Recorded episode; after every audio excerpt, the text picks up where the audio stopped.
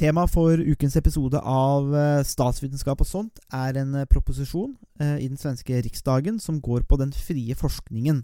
Den frie forskningen skal skrives inn i lov, men samtidig så kommer det en del begrensninger, potensielle begrensninger, på denne såkalte akademiske friheten.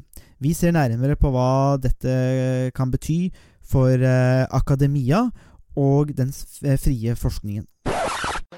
Dare you? Mr. Gorbachev, tear down this wall. I did not have sexual relations with that woman. Read my lips. Hell yes, we're gonna take your AR-15. It's waiting I have a dream. Thank you.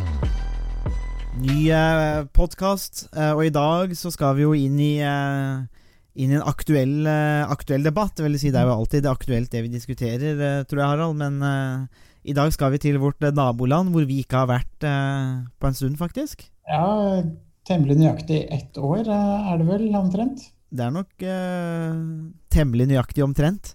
Ja, det... Jeg var siste gang i Sverige dagen før alt ble stengt ned. Ja. Du var vel i Sverige omtrent samtidig? Jeg var det. Jeg, jeg var det, faktisk. Så vi, vi, vi, vi ramla over der, og så Fort gjort. Ja, det er, det, er, det, er veldig, det er, veldig, fort gjort, det der. Altså. Et, år, et år går jo fort òg, eh, vi, vi, får si det sånn. Eh, på mange måter. Men eh, vi skal jo som sagt til Sverige. og en aktuell debatt der som handler om den frie forskningen eh, akademiets, eh, akademikernes rolle og forsk forskernes rolle i samfunnet. Og det er jo eh, da, da, blir jo vi interesserte, sjølsagt. Eh, for det, jo, det, går jo på, rett og slett på vår egen, eh, vår egen, eh, yrke, vårt eget yrke, egentlig.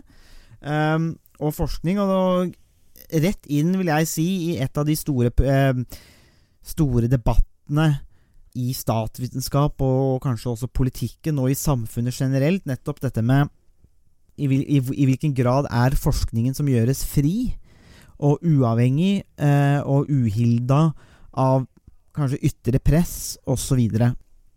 Og bakgrunnen for dagens episode er en, er en eh, proposisjon eh, i den svenske riksdagen som ble fremsatt eh, ja, i, i, fjor, men gjelder, den har, den, har, jo kommet litt mer fram nå, eller i, faktisk i desember 2020, og så har den kommet litt mer i, i eh, blitt mer diskutert nå eh, på nyåret. Proposisjonen heter 'Forskning, frihet og framtid' og går på kunnskap og innovasjon for Sverige. Bakgrunnen for proposisjonen er at eh, dette er altså proposisjoner da, som kommer hvert fjerde år, og er, er ikke noe sånn unikt i den forstand. Og svenskene skal jo øke midlene, eller overføringene til høyere utdanning og forskning med 3,6 milliarder eh, svenske kroner. Og det er jo, eh, er jo alltid positivt, eh, med mer, med, mer, penger til forskning. Men så, i den anledningen, eh, og særlig med bakgrunn i covid-19-pandemien, så det altså, har det altså vært sånn i Sverige at eh, flere forskere har fått fryktelig mye tyn og hat og trusler eh, i sosiale medier, eh, men også generelt, fordi at de har produsert forskning rett og slett som folk ikke liker. De tror ikke forskningen er fri eller uavhengig. Så svenskene har da sett seg nødt til å forankre rett og slett den akademiske friheten i lov. Akademisk frihet skal altså rett og slett inn i de gjør om lovteksten, og det blir, eh, det blir eh, en Så dette temaet, da, akademisk frihet, har fått eh, har fått veldig stor Har fått, stort, eh, fått stor plass. Og man, man, endrer da det som kalles for høgskolelagenes portalparagraf i Sverige. Og der skrives da akademisk frihet inn. Og det er jo da en historisk endring. Eh, og på mange måter så er jo det bra, fordi at eh, det er jo det siste man vil, er jo at forskning og forskere skal utsettes eh, for trusler og hets fordi at man produserer forskning som andre kanskje er uenig i. Eh, til en viss grad så må man jo tåle det. Jeg har skrevet en del kronikker sjøl i nasjonale medier og fått min dose med, med, hat, for å si det sånn, og trolling, og det er jo noe man må tåle. Men det er klart at når det kommer til viktige temaer som pandemi, covid-19-virus, så vil man jo helst at ikke forskerne skal bli redde for å uttale seg. Eh, eller, eller tør, at de ikke skal tørre å gjennomføre forskning som er kritisk for samfunnet. hva tenker du sånn umiddelbart, Harald, før vi begynner å se litt på det med selve eller noe av det i loven? Det der med behov for å rett og slett forankre akademisk frihet i lov. For det er jo et steg. altså Da går man jo videre fra det at, man, at det er implisitt, eller underforstått, til at det må nedfelles i lov. Eh, hva tenker du om den utviklingen der i Sverige? Ja, um, jeg tenker at det, det reiser en del prinsipielle spørsmål. Både om det du har vært inne på som gjelder akademisk eh, frihet. Og for, for mange kan det kanskje framstå som en litt, eh, litt lokka debatt, og en debatt som kanskje an, bare angår eh, eh, akademikere som, eh, som, oss, som sitter og skriver eh, om ulike samfunnsspørsmål som kanskje kan være kontroversielle for noen. Men det som er eh, kanskje det større spørsmålet, større, større bilde eller bakgrunn, er jo også hva er det eh, Hva er forskning, og hvilken eh, rolle er det forskningen skal ha i, i samfunnet? For det man har sett eh, de siste årene med, hvor man har fått en økt politisk polarisering, er jo også at man eh, har Eh, mange politikere har vært negative til, eh, til forskning eh, og til resultatene som, mm. forskere kommer med. Og før brexit-avstemningen i 2016 så sa jo bl.a. Michael Gove fra det konservative partiet i, i, Storbritannia, og som også var en av lederne i nei-bevegelsen, at Eh, England eh, var lei av eksperter og lei av at forskere og såkalte eksperter og byråkrater og teknokrater skulle fortelle vanlige folk hva de skulle mene og hva de skulle, skulle gjøre. Mm. Så i, i, det litt større bildet så, så framstår jo den det behovet for å rettsliggjøre prinsippet om akademisk forskning Eh, i et, et, litt, uh, i et litt annet lys, hvor, det, hvor, man stiller spørsmålstegn også ved hva fri forskning er, og hvilken rolle det skal, skal ha i, uh, i samfunnet. Mm. Uh, og så reiser det også veldig mange spørsmål om hvordan er det forskningspolitikken skal styres, uh, osv. Men det som er interessant, er at når man trekker det inn mot en, en rettsliggjøring, eh, sånn som man eh, ønsker å gjøre i Sverige nå, så, så er det jo også at man, eh, man, fokuserer på de politiske aspektene i større grad enn de mer sånn faglig eller fagpolitiske eh, prinsippene som, som hvert, hver disiplin eh, selvfølgelig har, hvor man har ulike måte, kriterier eller ulike, ulike, ulike, grunnlag for hva som er god forskning osv. Og så, videre. så hvis man ser på det i hvis man på ser på det i et litt større bilde, så handler det her også om eh, Så kan man også tolke det inn i den eh, økende polariseringen som vi har sett i mange, mange land de, de mm. siste mm. årene, spesielt de fem, fem siste årene. Mm, ja, det er, det er, du, ingen tvil om. At uh, dette er en del av bildet. Jeg synes Det er fint du trekker den linja mellom brexit uh, og det som skje, også skjer her, uh, og den der mistroen eh, som måtte eksistere der, og at man, man, rett og slett er nødt til å forankre, eller rettsliggjøre, som du sier, da, eh, denne, denne, rollen. Og det er egentlig et ganske alvorlig grep eh, på mange måter. Altså, det er et ganske konkret grep. Eh, og det sier kanskje noe om klima eh, akkurat nå. Altså samfunnsmessige debatt, politiske klima, at man er nødt til å gå til de stegene. Uh, så det, det, her inngår jo i en større internasjonal trend, det kan vi jo si. Um, ja. At det, det, er jo ikke noe som kommer i et vakuum. Nei, altså det her er jo et, uh, et spørsmål som, uh, som, er av interesse ikke bare for Sverige, men egentlig for alle land som har, en, som har fri, fri forskning, og som, som satser på forskning og utvikling. både for å løse samfunnsoppgaver, som den svenske mm, proposisjonen fokuserer spesielt på, men også i forhold til innovas teknologisk innovasjon og det å tiltrekke seg eh, eh, forskningsmidler eh, fra internasjonale aktører, både forskningsstiftelser og eh, privat finansiering av, av forskning. Men det som, det som er litt alvorlig, kanskje, og som, gjør at, som er en av grunnene til at vi, vi ønsker å rette fokus mot eh, dette spørsmålet i dag, er jo altså det at det gir staten eh, økt makt til å definere rammene for eh, såkalt fri, fri forskning. Mm. Og, og det er jo noe av det som, som kan være problematisk i en sånn situasjon. Det er På den ene siden så er det problematisk hvis forskningen eh, har en eh, Så hvis, hvis forskningen ikke blir sett på som troverdig eh, i befolkningen eh, Men det er jo også alvorlig hvis forskningen blir sett på som statens forlengede arm. Mm. Eh, og noe som politikerne kan, eh, kan bruke til å få de forskningsresultatene som, eh, som de ønsker. Og, og, eh, En stat ville jo aldri gjort noe sånt, Harald. Nei, hvem skulle kan tro det?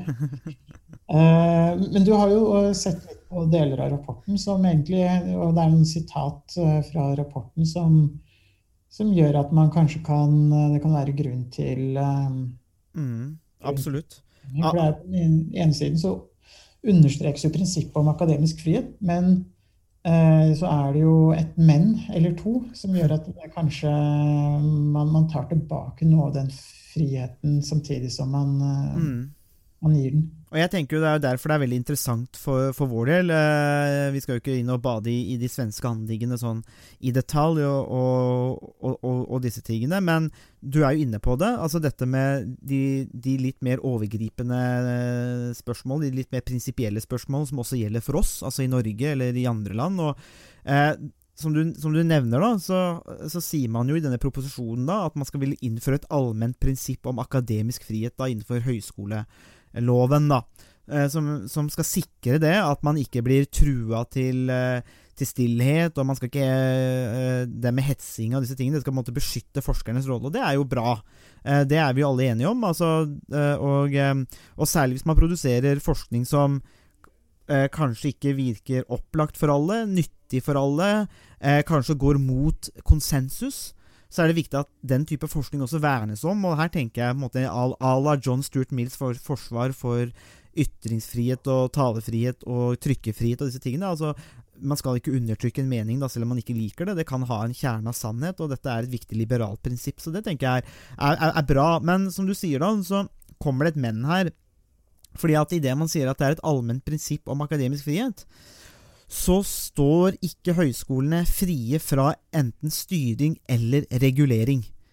Eh, slik at, Og så sier de da at det frie kunnskapssøkende, eh, frie søkende til kunnskap, og den frie kunnskapsspredningen skal alltid utøves innenfor de rettslige rammene som fins, og ut ifra det verdigrunnlaget som gjelder.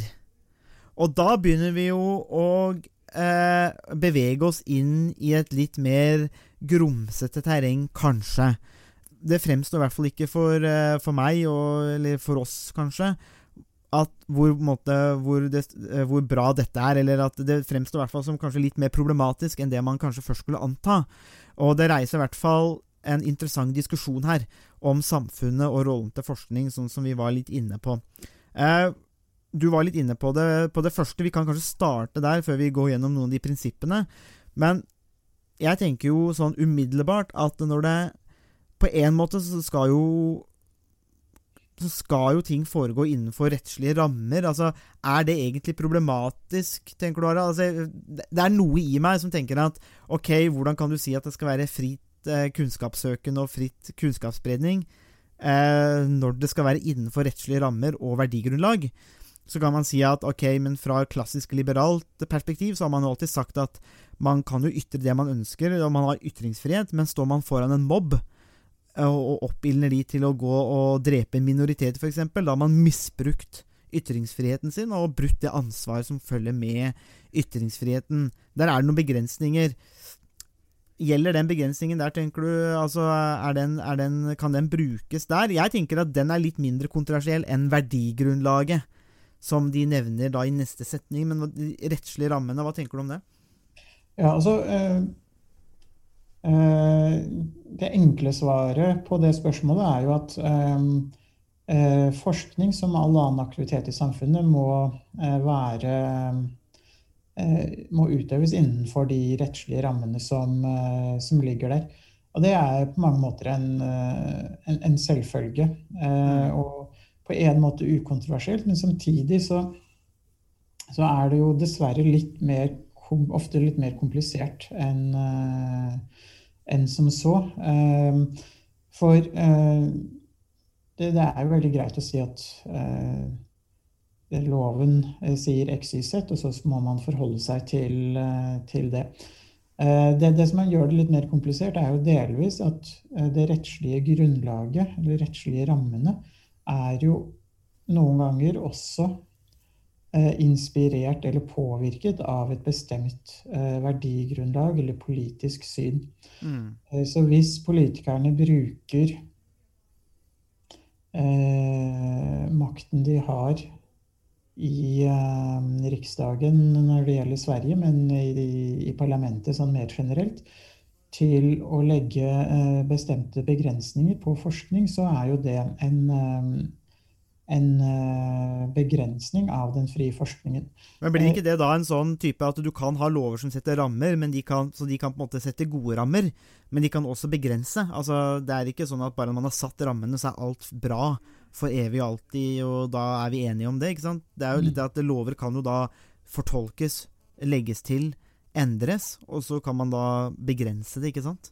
Ja, eh, og, det her er, eh, det her kan virke veldig abstrakt og veldig teoretisk, men hvis man ser på det rent praktisk, så er det jo en del forskning, eh, både samfunnsvitenskapelig, men også naturvitenskapelig, som kan omfattes av den type reguleringer. Og innenfor samfunnsvitenskapen så kan det jo gjelde forskning som, som er kontroversiell innenfor så vi ser på den svenske konteksten, innvandring, integrering, eh, demokratibygging eh, osv.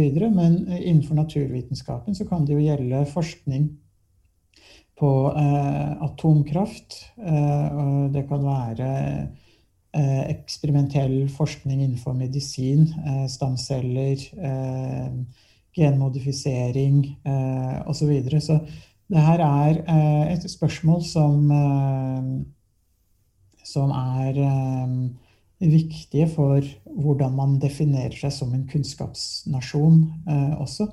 Eh, Fordi eh, rettslige rammene og det såkalte verdigrunnlaget som gjelder, som eh, den svenske proposisjonen snakker om, det vil jo også ha betydning for hva slags forskning som kan utføres i, i Sverige.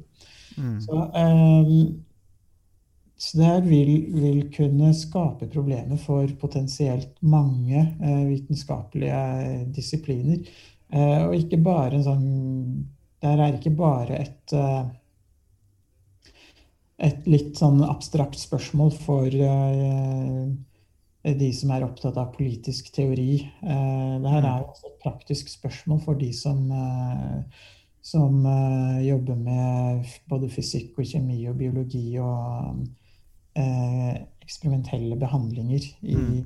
i medisin og andre, andre fag. Ja, det er jo noe som er litt sånn Kan virke litt paradoksalt i det man sier det frie kunnskapssøken og spredning, og så- men, men, men det er innenfor eh, disse rammene, da. Og de rammene kan jo være åpne og frie og gode, ikke sant. Altså å ha være, å ha, å ha um, Å gi, gi rom for denne altså, pluralisme i forskning og sånne ting, og da er det jo bra, men samtidig så legger du den muligheten inn, da, at når det kontrolleres på en måte av de rettslige rammene, så kan det også misbrukes, da, hvis man vil det. Og, men så kommer dette med verdigrunnlag, eller verdegrunn, da, som, som gjelder. og det er jo egentlig her vi også tenkte at her kommer noe vi er inne på noe som er veldig interessant. Og alt er interessant, men det her tenker jeg er hvor det er enda mer uklart, og, og, og, og hvor jeg er litt usikker på hvor svenskene på en måte vil. Men det reiser også et spørsmål her om statens rolle, tenker jeg, i forskning og i, debatt, eh, i debattene generelt, da, i det offentlige ordskiftet, hvis vi kan si det sånn. Um, fordi at eh, forskningen skal da utøves innenfor den ut ifrån den verdigrunn som gjelder. Så det er verdigrunnlaget som gjelder, da. Og det er jo tydeligvis noe som kan endres da med tid. Um, så står det ikke helt eksplisitt akkurat når det nevnes der i proposisjonen, men når jeg blar meg nedover og søker etter det, så ser jeg at um, man, eh, man, og da, man snakker bl.a. om dette med etikk i forskning og sånne ting. Når man forsker på mennesker og dyr, og det er jo uproblematisk på mange måter. Det har vi jo gode regler for og sånne ting. Men så kommer det lenger ned om at dette pakkes da inn i den statlige ver verdigrunnen, eller verdigrunnlaget, for statsansatte. Eh, og de består da av seks prinsipper. Eh, og da starter vi med Haralds favorittprinsipp, faktisk, og det er demokrati. Og så kommer eh, prinsippet legalitet, objektivitet, fri åsiktsbildning, respekt, effektivitet og service.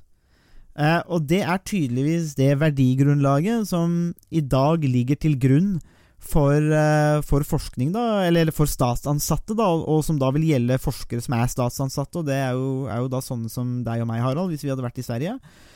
Eh, så, vi, så er det tydeligvis det er verdigrunnlaget vårt, da. Eh, eller som vi blir bedt om å Ja, skal informere eller guide vår forskning, må man vel egentlig anta.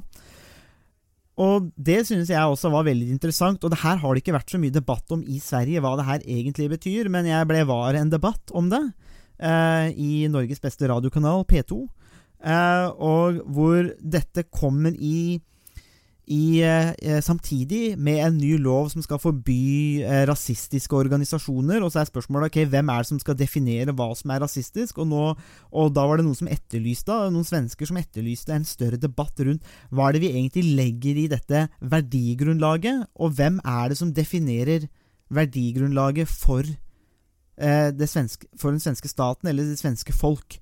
For det er jo ganske inngripende å si at det her er verdigrunnlaget. Eh, snakker man, hvordan vet man at man snakker på vegne av 6 millioner mennesker, eller 10 millioner mennesker, eller 20 millioner mennesker? Hvordan aggregerer man det og finner ut av disse tingene? Det er jo et interessant spørsmål. Eh, men dette er verdigrunnlaget. Hva tenker du om verdigrunnlaget eh, for de statsansatte i, Harald, i, Sverige, i Sverige, Harald? Demokrati, legalitet. Ja, altså, det, det er jo et verdigrunnlag som um, kanskje passer godt for, um, for saksbehandlere, men det med service og effektivitet um, kan jo framstå litt fjernt i forskningssammenheng. og det er jo ikke det at man ikke skal, uh, skal ha noe um, ikke skal være tilgjengelig, eller at det ikke skal være noen resultater av det man forsker på. Men uh, det, det, passer ikke helt i en um, altså, Akademikere er ikke statsansatte på samme måte som de som jobber i departementene eller kommunene eller, um, eller andre offentlige organisasjoner. Uh, så, så, man har et litt annet forhold til det publikummet man, uh, man skal uh, skal jobbe for, eller er ansatt for å, for å fylle, eller for den rollen man skal fylle som, som forsker. Så, så, det blir litt sånn det blir litt sånn konstruert et konstruert verdi, verdigrunnlag. Men jeg, jeg, tenker, jeg vil, jeg vil um, kanskje fokusere på to, uh, to ting. Det ene er noe du, du sa uh, for litt siden, eller du sa, jeg tror faktisk du har sagt det et par ganger. Uh, du har vært inne på det med på måte, hvordan man kan legge gode liksom, Hva som er gode rammer for, for forskning. Jeg tenker det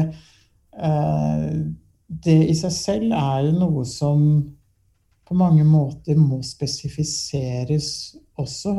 Så jeg vet ikke hvis, hvis, Hvordan vil du klargjøre eller konkretisere hva som menes med, med, gode rammer, for å bruke det som en slags kontrast til, eh, til det forslaget som man, eh, man har i Sverige? Mm. Ja, altså jeg, jeg, tenkte jo jeg, jeg, tenkte, jeg sa det i stad, så tenkte jeg først og fremst på at er, altså på, på, et veldig enkelt nivå så er det mulig å se for seg eh, litt enkelt gode og dårlige rammer. altså sånn Man kan ha at det er åpent for forskning, det er fri konkurranse om midler, og staten legger seg ikke opp i forskning f.eks. Men så kan man også tenke seg en pervertering av dette systemet, hvor staten har klare retningslinjer for hva man skal forske på. Eh, litt av det vi kanskje kan se litt sånne totalitære regimer.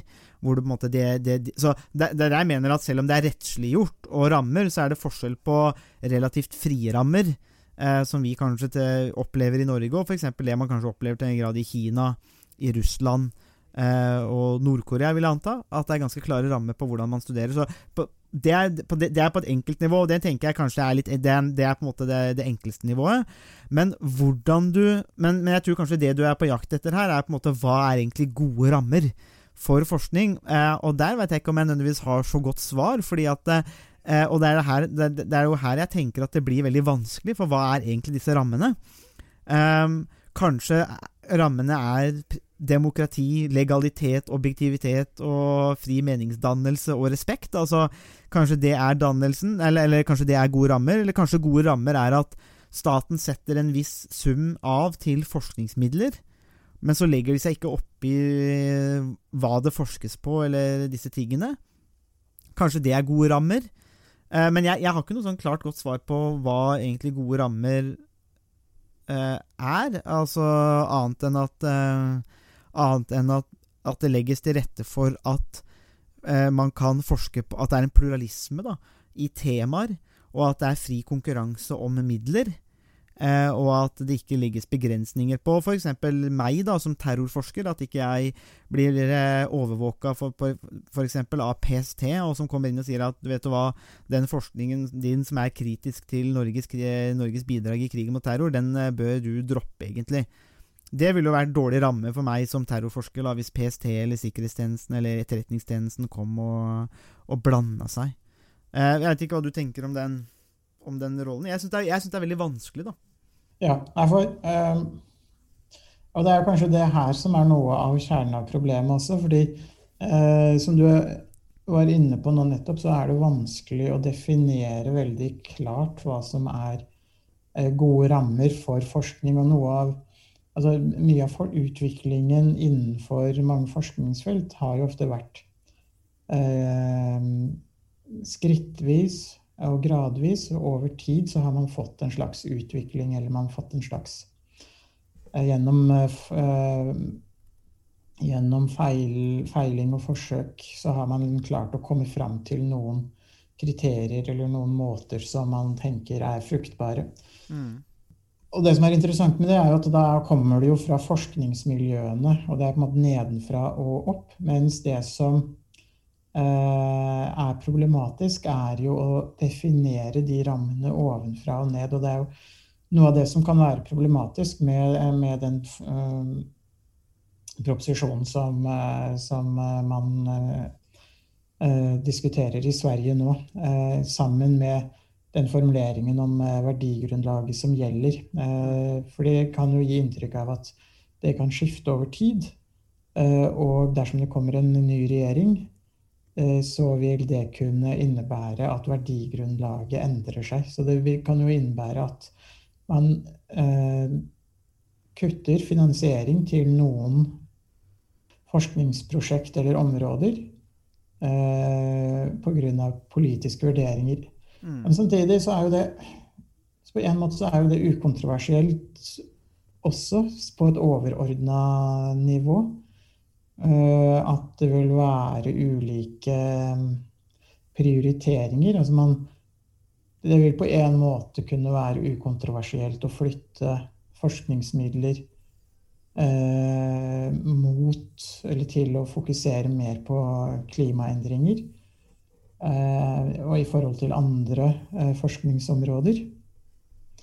Eh, så det i seg selv trenger ikke nødvendigvis å være eh, problematisk, men Og det vil jo til en viss grad reflektere verdigrunnlaget til, til eh, det politiske flertallet. Mm.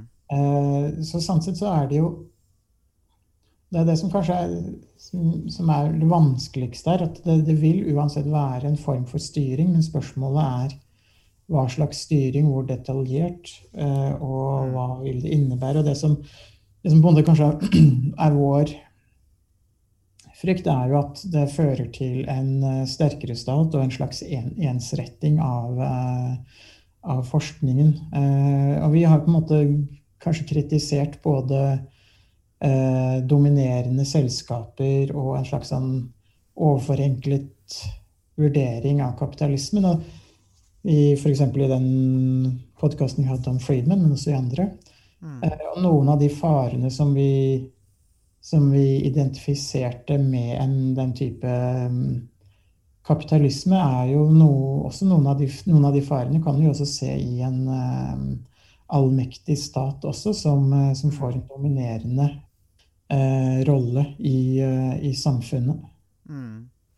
Ja, det, det, og det, det tenker jeg, og det er derfor den debatten uansett er viktig å ha. at eh, om, om ikke noe annet, så bør det ikke fremstå som Ingen av de tingene syns jeg bør fremstå som uh, ukontroversielle og uproblematiske sånn i seg selv. Altså, dette er ting vi er nødt til å diskutere uh, gjennom. Og, og, og, man kan jo se for seg f.eks. Uh, men altså jeg nevnte litt dette med terrorforskningen, men hva man er over i kant kritisk til hvordan demokratiet styres, og, og det politiske flertallet forvalter demokratiet, det, går det da mot Går det da mot um, verdigrunnlaget som gjelder? Og uh, skal verdigrunnlaget gjelde det politiske flertallet, sånn som du nevnte i stad, Harald? Altså, la oss si at politisk flertall kan endre en lov, da, og endre midlene, og dermed på en måte reflektere verdigrunnlaget. Men samtidig så virker det fryktelig volatilt. Uh, ustabilt, og hvordan skal man uh, Og vi vet jo at forskning, god forskning Tenk på forskning på på klimaendringer, men tenk på fysikk, kjemi, store prosjekter. Eh, men, det, men, men, det, her gjelder forskning generelt, men noen disipliner er litt mer utsatte for det. Det krever jo lang tid, det krever store ressurser over tid, og det krever en forutsigbarhet. At man vet hva man kan jobbe med over tid. Man kan legge planer, man kan få tak i vitenskapelige assistenter, masterstudenter, doktorgradsstudenter med, med prosjekter for å utvikle disse tingene. Og da blir det jo veldig vanskelig hvis man hele tida må basere seg på et verdigrunnlag som eventuelt skifter, da. Eh, og så kan man jo si at ja, akkurat nå så er på en måte prinsippet demokrati og sånn Det er et ukontroversielt standpunkt, men, men hvis, hvis, det er åpent for det verdigrunnlaget som gjelder til enhver tid, så kan man jo se for seg at man får et annet flertall, flere politisk flertall, som kan endre dette. Og da fremstår det ikke like naturlig lenger. Um, så jeg tenker at det der er det en, en, god debatt å ha, og som vi må ha. fordi at og jeg, jeg, liker veldig godt det du sa, det der med vår kritikk av kapitalismen og litt, litt, litt forenklede synet på det, og særlig via Milton Friedman. Men eh, jeg er like redd for en sterk og ensretta stat. fordi at eh, på samme måte som vi snakker om at makt korrumperer privatpersoner, så tror jeg makt også det korrumperer på en måte stater òg. Altså, eh, eh, vi vet jo det at eh, altså, det er ingen som liker makt mer enn stater. Og de er jo veldig gode til å aggregere det, og det er jo den derre Eh, det er jo kanskje noe som illustrerer liberalismen og libertarianernes eh, drøm om denne enormt kompetente staten, men som likevel skal være liten.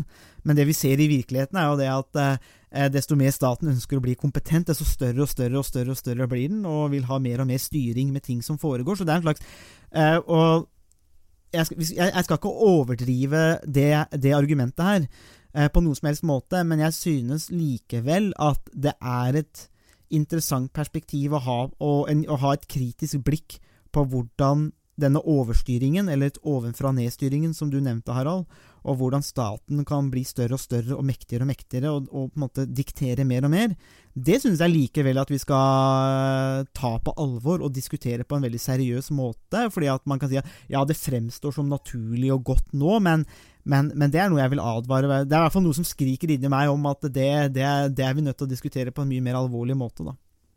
Ja, og for bare egentlig fortsette i um, der, du, der, du, slapp nå. Det, for det, det, det som er al al alvorlig, er jo nettopp det at det kan jo se uskyldig ut i dag, uh, og det kan se nødvendig ut i dag, men så får det sitt eget liv om noen år hvor man kanskje gjør andre endringer. og bruker de eh, eh, det rettslige grunnlaget på en annen måte enn det som er tenkt, til å kneble, til å kneble forskning eller til å stryke finansiering til kontroversielle eh, prosjekter.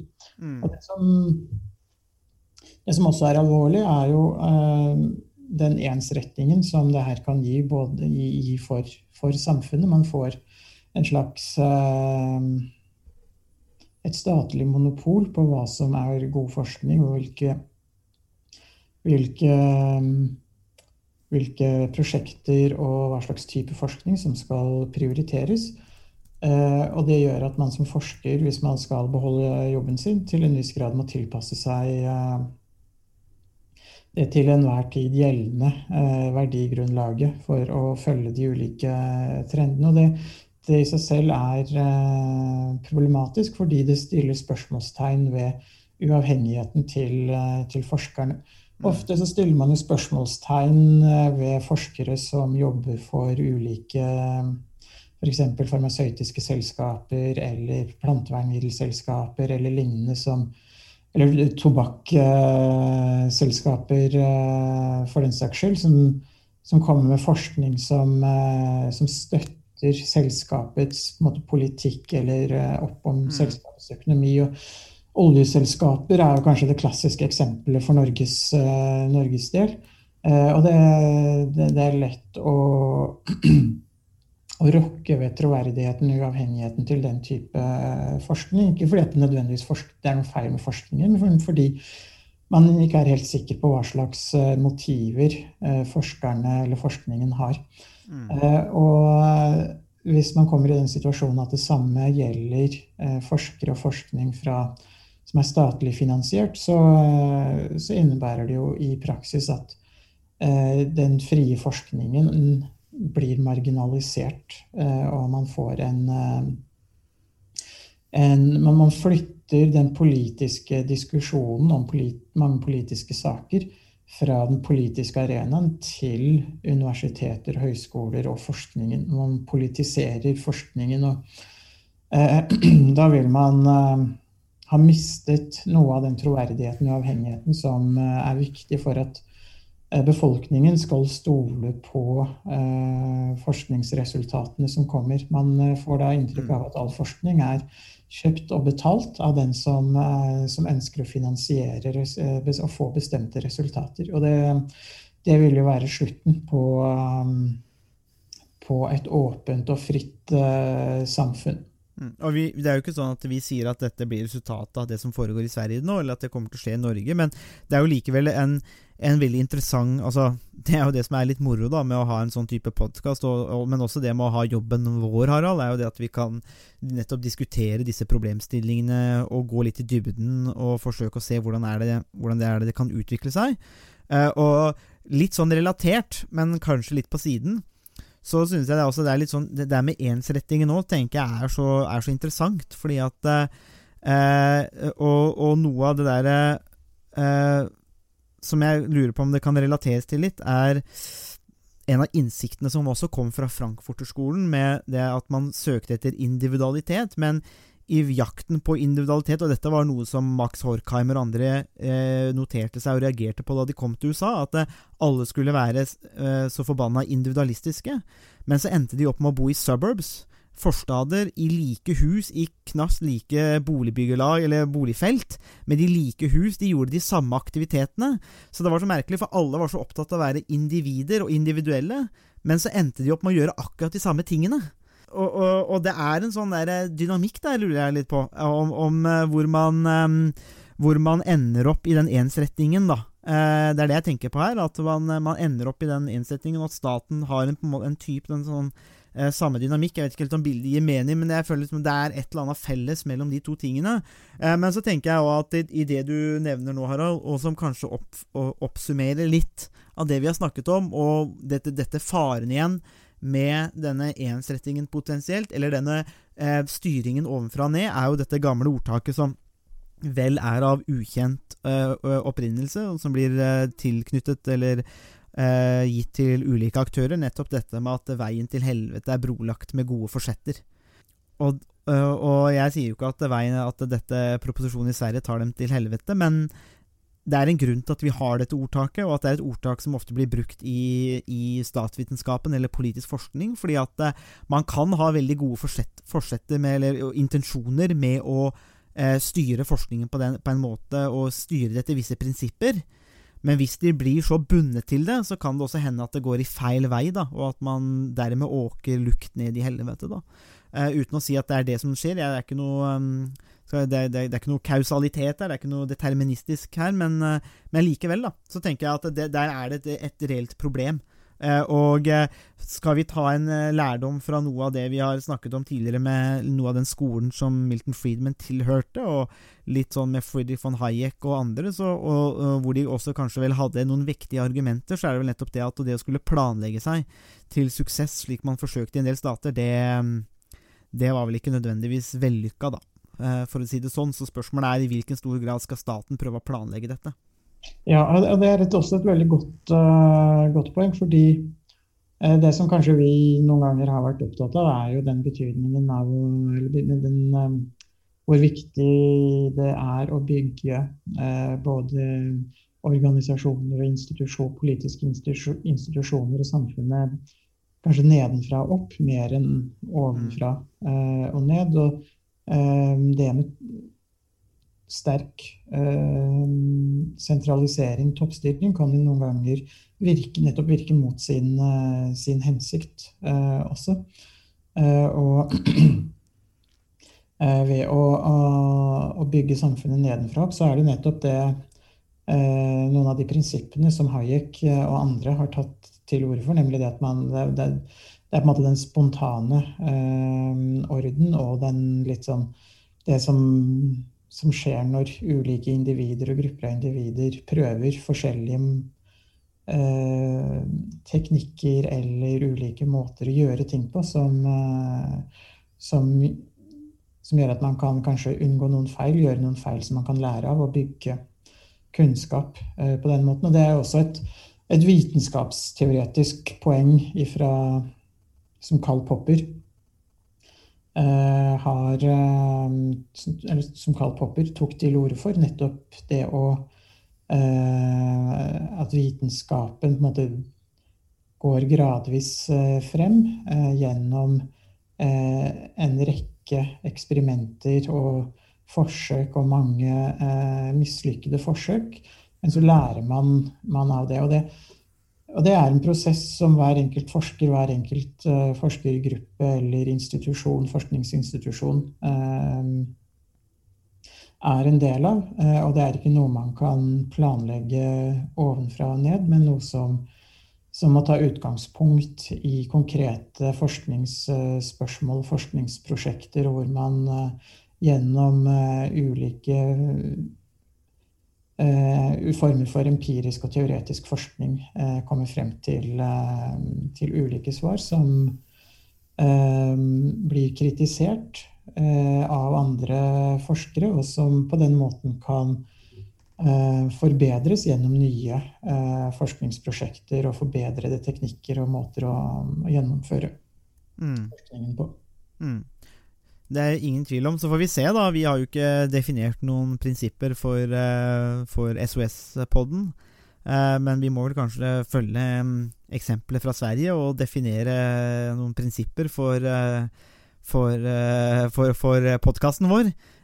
slik at vi sikrer den akademiske friheten innad i, innad i SOS-podden. Så får vi se om vi, om vi klarer å artikulere noen et verdigrunnlag uh, i, i, nærmeste framtid. Takk for at du hørte på denne episoden av Statsvitenskap og sånt. Eh, hvis du er interessert, så følger det nå noen minutter med bonusmateriale fra innspillingen til ukens episode, der Harald og jeg eh, går litt videre inn i de tingene som vi ikke rakk å snakke om i selve episoden. Heng med, da vel. Ja, for det, det, det jeg tenkte var at mye av det som vi var inne på i podkasten er jo eh, også noe man kan knytte opp til, eh, til demokratisk danning i, eh, i, Norge. Hvor læreplanen er veldig tydelig på at demokratisk danning er et viktig grunnlag, eller en viktig del av utdannelsen. Viktig, et viktig premiss for for skolen. Eh, og det som, er, det som, er, litt mer kontroversielt, er jo også det som gjelder uh, globalt medborgerskap, som jeg har skrevet litt om nå siste, de siste ukene. Hvor det fastslås som et, et viktig prinsipp, og det å oppfordre eller fremme globalt medborgerskap er en viktig et, et, viktig læringsmål eller prinsipp. Og det er, tenker jeg er ganske kontroversielt, fordi der går man veldig langt i å fremme bestemte mm. politiske og moralske ideal. Og det er litt Jeg vet ikke det kan være eh, Jeg er ganske usikker på hvilken, så hvor langt eh, man bør gå i å fremme bestemte politiske og moralske ideal. Fordi liksom å fremme demokrati kan jo til en viss grad være ganske uproblematisk, fordi det kan være såpass generelt. Men når man Mm. bryter det ned til såpass eh, eh, konkrete prinsipper, så er det et spørsmål om hvorfor velger man globalt medborgerskap fremfor andre tilnærminger til hvordan eh, man skal vurdere internasjonal politikk og forholdet mellom nasjonal politikk og internasjonal politikk. For det er ikke helt Så i en sånn læreplan da, med, med kanskje en, eh, noen titalls eh, læringsmål, så er det veldig mange avveininger av, eh, mellom mange og verdige kandidater til, til hva som skolen skal vektlegge. Men hvorfor velger man akkurat de prinsippene, og hvem er det som har valgt de prinsippene? Og hva slags begrunnelse har man for å velge de, de prinsippene? For det globalt medborgerskap er jo så mange andre temaer noe som det er viktig å, å lære om i skolen. Men en annen ting er jo i hvilken grad man skal Ja, fremme det. fremme det. Mm. Fordi det er veldig mange temaer som skal, eh, man skal lære om, men det at man skal fremme bestemte ideal, tenker jeg er ganske, er ganske ukomfortabel med, med så, klar, eh, et så klart og tydelig eh, verdigrunnlag. Mm. Når det gjelder relativt kontroversielle spørsmål som globalt medborgerskap. Ja. ja, for det er, jo, det er jo et godt poeng akkurat det der med at man Og, og, og jeg tenker jo at selv om man er enig i Selv om man ville vært enig i at globalt medborgerskap er bra, så er det jo ikke opplagt at man skal pushe det.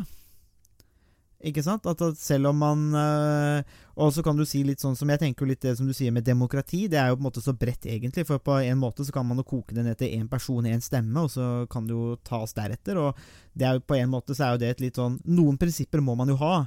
Uh, og jeg tenker at et sånt demokratisk styre er jo et, er jo et godt prinsipp, egentlig. fordi at det gir jo i hvert fall og så man, og så kan man snakke om de ulike tekniske finurlighetene ved hvert, hvert system, men det, det, utgangspunktet er nå i hvert fall da, at eh, personer teller likt. Og så kan det godt hende at eh, stemmer teller og ressurser avgjør og sånne ting, men i prinsippet så er det jo bra. Eller sånn litt mer ukontroversielt, tenker jeg. Men, men, men jeg tenker at eh, det, litt det der med at selv om man måtte mene noe med og Sånn som det der med globalt medborgerskap, for det er jo ikke, noe, det er jo ikke opplagt at det er måten å se på internasjonal politikk eller samhandling på, og det er i det minste mange som er uenig. Um, og da tenker jeg at selv om jeg nok kanskje er sympatisk sympatisk overfor den ideen på mange måter, egentlig, og jeg, måte, det at jeg har også bodd så mye i utlandet og, og litt sånne ting, så, så er jeg jo alltid litt sånn vennlig innstilt overfor litt sånne ting. Men jeg tenker jo ikke at det er Jeg ser jo et problem her med å pushe det, og i hvert fall pushe det i skoleverket. Altså, Kommer man til den slutningen selv ved å ha reist mye, eller, eller studert, eller lest ting, eller gjort sånne ting, og man har kommet fram til den erkjennelsen men sjøl så tenker jeg at det må jo være en, det er en individuell sak. Og, men skal det da pushes gjennom et offentlig utdanningssystem? Det er jo, der er det jo en god diskusjon å ha, da. Ja, eh, for bare for å fortsette egentlig det du, noe du sa der, det med å komme frem til eventuelt verdien av globalt medborgerskap selv. Eh, Jeg tenker Det er jo det som er det sentrale, fordi eh, et annet prinsipp i norsk utdanning er en kritisk tenkning. og Man skal oppfordre og skape elever som er kritisk tenkende. og det å fremme bestemte moralske eller politiske ideal som globalt medborgerskap eh, eh, er jo i ganske klar konflikt med ideen om kritisk tenkning. og det er jo også en slags eh, For hvis, hvis, hvis man skal fremme kritisk tenkning, så kan man ikke fremtid, samtidig fremme globalt medborgerskap som et eh, ideal eh, som, som skal eh, Som elevene og skolen skal, eh, skal prioritere. eh, Som eh, Da må man også må man, eh, Måten å gjøre det på, hvis man skal fremme kritisk tenkning, er jo at elevene på egen hånd gjennom å lese om ulike teorier og synspunkter på internasjonal, internasjonal politikk og samarbeid kommer frem til at de mener, selv mener at globalt medborgerskap er løsningen på noen av de globale problemene som verden står, eh, står ovenfor. Og så kan man ha en diskusjon om styrker og svakheter ved globalt medborgerskap og andre tilnærminger. Men det å fastslå samtidig at man både skal fremme globalt medborgerskap og kritisk tenkning, er jo to prinsipper som eh, ikke går godt, eh, godt sammen. Man må nødvendigvis velge det ene fremfor eh, det andre. Og det, der er det jo den type sånn som kunnskaps... Eller den som, som læreplaner og uh, ofte i fremmer eh, motstridende mål som er gjensidig eh, utelukkende, sånn som eh, kritisk tenkning og globalt eh, medborgerskap. Mm. Nei, jeg tenker det er, det er, det er en veldig god, god, debatt å ha der. Jeg tenker at veldig ofte så, så tar man det liksom kanskje bare for gitt òg, eller at det er litt sånn ukritisk. Og, og det, som, det, som, også skjer da, er vel kanskje litt det som eh, Mill var redd for òg. At det blir på en måte det dødt dogme da, som man bare eh, forholder seg til, men ukritisk, da, uten å tenke over det. Og, og jeg tenker jo at, at selv om og det, og det, mener jeg at det er veldig viktig jo, at selv om man måtte mene noe sterkt, Eh, eller ha normative synspunkt, og det har vi jo alle, så skal man, være, skal man jo være ytterst forsiktig med å pushe det. Eh, altså på folk på en veldig spesifikk måte, f.eks. gjennom et utdanningssystem. Da. Eh, jeg kan jo bare håpe at i min forskning, hvis det er eh, folk som leser eller hører på, og som syns at det er rimelig, og de mener det samme, eller blir inspirert av det samme, eller sånne ting, at de kommer til den slutningen sjøl. Eh, men det ville jo blitt feil om man skulle misbruke klassen sin. Eh, altså mens man underviser, til å bare fronte sine egne synspunkt, og så tvinge alle inn i en, eh, inn i en slags normativ støpeskje. Da. Det ville jo vært eh, ytterst problematisk. Ja, det, det er um, noe som er veldig kontroversielt. Og det handler jo, handler jo også om rollene mellom skolens verdigrunnlag og familiens verdigrunnlag eh, og hvilken rolle eh, skolen skal ha i oppdragelsen, og hvilken rolle familiene skal ha i, eh, i oppdragelsen av, av barn og fremtidige generasjoner. For det, det, er jo ikke opplagt eh, hvem som skal ha ansvar for, for hva, eh, nødvendigvis, og hvor grensene mellom familiene og, og skolen skal, eh, skal gå. Det er jo lett å kanskje si at det er et felles verdigrunnlag for alle i samfunnet for at samfunnet skal være stabilt over tid, eh, muligens. Eh, men samtidig så, så, er det det som du har vært inne på også, det med eh, at mange verdier og prinsipper lett kan bli eh, dogmer som man forholder seg ukritisk til, og som, ikke, som ikke utfordres. Og hvis Eh, noen verdier eller prinsipper ikke utfordres, så, så vil de jo veldig raskt kunne, kunne visne og bli litt mm. lite levende og miste noe av den eh, verdien de egentlig, um, egentlig har. Mm. Uh, og der, så der er jo er jo et veldig grunnleggende spørsmål for hva slags skole man vil ha, hva slags verdier man ønsker å bygge, bygge samfunnet på uh, også. Mm. Uh, så jeg vet ikke helt Det, det her er jo litt uh, Det her er jo et spørsmål som uh, som man Ofte så diskuterer man jo norsk skole, hva skolen skal handle om og fokusere på.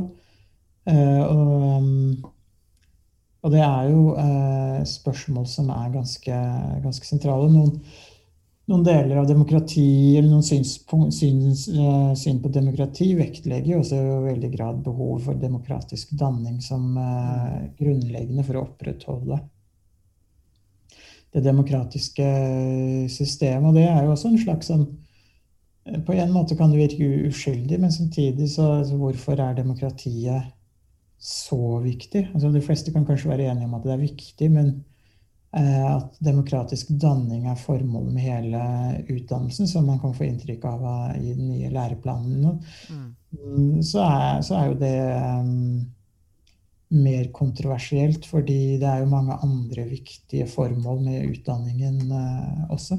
Mm, ja, helt klart. Det er eh, og, og det er jo noe, kanskje noe vi har vært inne på i tidligere podkaster òg. Altså, nettopp dette med at noen ganger så kan man jo Når man feirer 17. mai og sånne ting, også, så blir det, det blir en sånn symbolhandling, men den er jo i hvis man er litt kritisk, så kan man jo tenke seg at den er ganske tom for innhold i mange omstendigheter, fordi man diskuterer ikke seriøse dem demokratiske problemer. Man bare feirer Grunnloven og Wergeland og barnetog og, og, pølser og brus, og så har man noen, noen spredte referanser til andre verdenskrig når vi måtte kjempe for friheten, og så, og så er man på en måte ferdig med demokrati. Da, har man feiret seg sjøl. 17. mai på demokratidanningen, og så er det jo litt sånn som du er inne på, at eh, demokrati er, er, er, en god del vanskeligere enn en det, da. Men at, eh, så, så, hvis man er litt kritisk og kanskje litt eh, stygg, så kan man kanskje si at 17. mai eller demokrati er i ferd med å bli et slags dødt dogme da, i, i Norge. Ja, fordi man kan si demokratiet er for viktig til en sånn selvforherligende mm. Uh, fest eh, på våren. fordi det, det, man feirer, er jo egentlig sin egen fortreffelighet mer enn selve begrepet eller styreformen eller praksisen. Og man ser jo det at det er veldig mange som, som ikke stemmer i Norge også, som ikke er politisk aktive. Og, og det er jo ikke nødvendigvis et, et problem for demokratiets eh, overlevelse sånn i første omgang. Eh, man trenger ikke nødvendigvis at alle stemmer, men samtidig så er jo demokratiet også helt avhengig av en viss kritisk Eh, masse som, eh, som stemmer. Eh, så det er, det er ikke sånn at, at, demokratiet er uten problemer i Norge heller. Valgdeltakelsen har jo vært jevnt synkende mm. de, siste, de siste valgene. Så, og den, altså det man kan kalle velgerapati eller fravær av politisk interesse, er jo også ganske gjelder jo ganske, en ganske stor del av uh, den norske befolkningen. Men, så, det ikke, så det er kanskje litt Det er kanskje litt for man, man, feirer demokratiet litt for lett uten å stille de, de vanskelige spørsmålene mm. om, om, demokratiet. Mm. Det, det, er jo til en viss grad kanskje vår, vår rolle også, å være de, de vanskelige som stiller de, eh, de, litt sånn eh, pinlige spørsmålene som ingen andre, andre, stiller. Når alle andre feirer demokratiet, så kommer vi jo og trekker folk litt ned og sier at det er en illusjon, eller noe sånt noe. Så. Det, det er beinhardt. Det er, det er, sånn blir du populær av. Ja. Det var det vi hadde å by på i denne ukas episode av Statsvitenskap og sånt. Musikken er komponert av Robin Horvath, og Thomas Colato står for miksing og redigering. Du finner oss på Facebook, bare søk på statsvitenskap og sånt. Der kan dere komme i kontakt med oss hvis dere har spørsmål eller kommentarer. Der finner dere også aktuelle artikler, videoer med mer. Vi setter pris på om dere liker sida, og deler den med andre som dere tenker vil ha glede av å høre på podkasten. Vi høres. And change is coming whether you like it or not.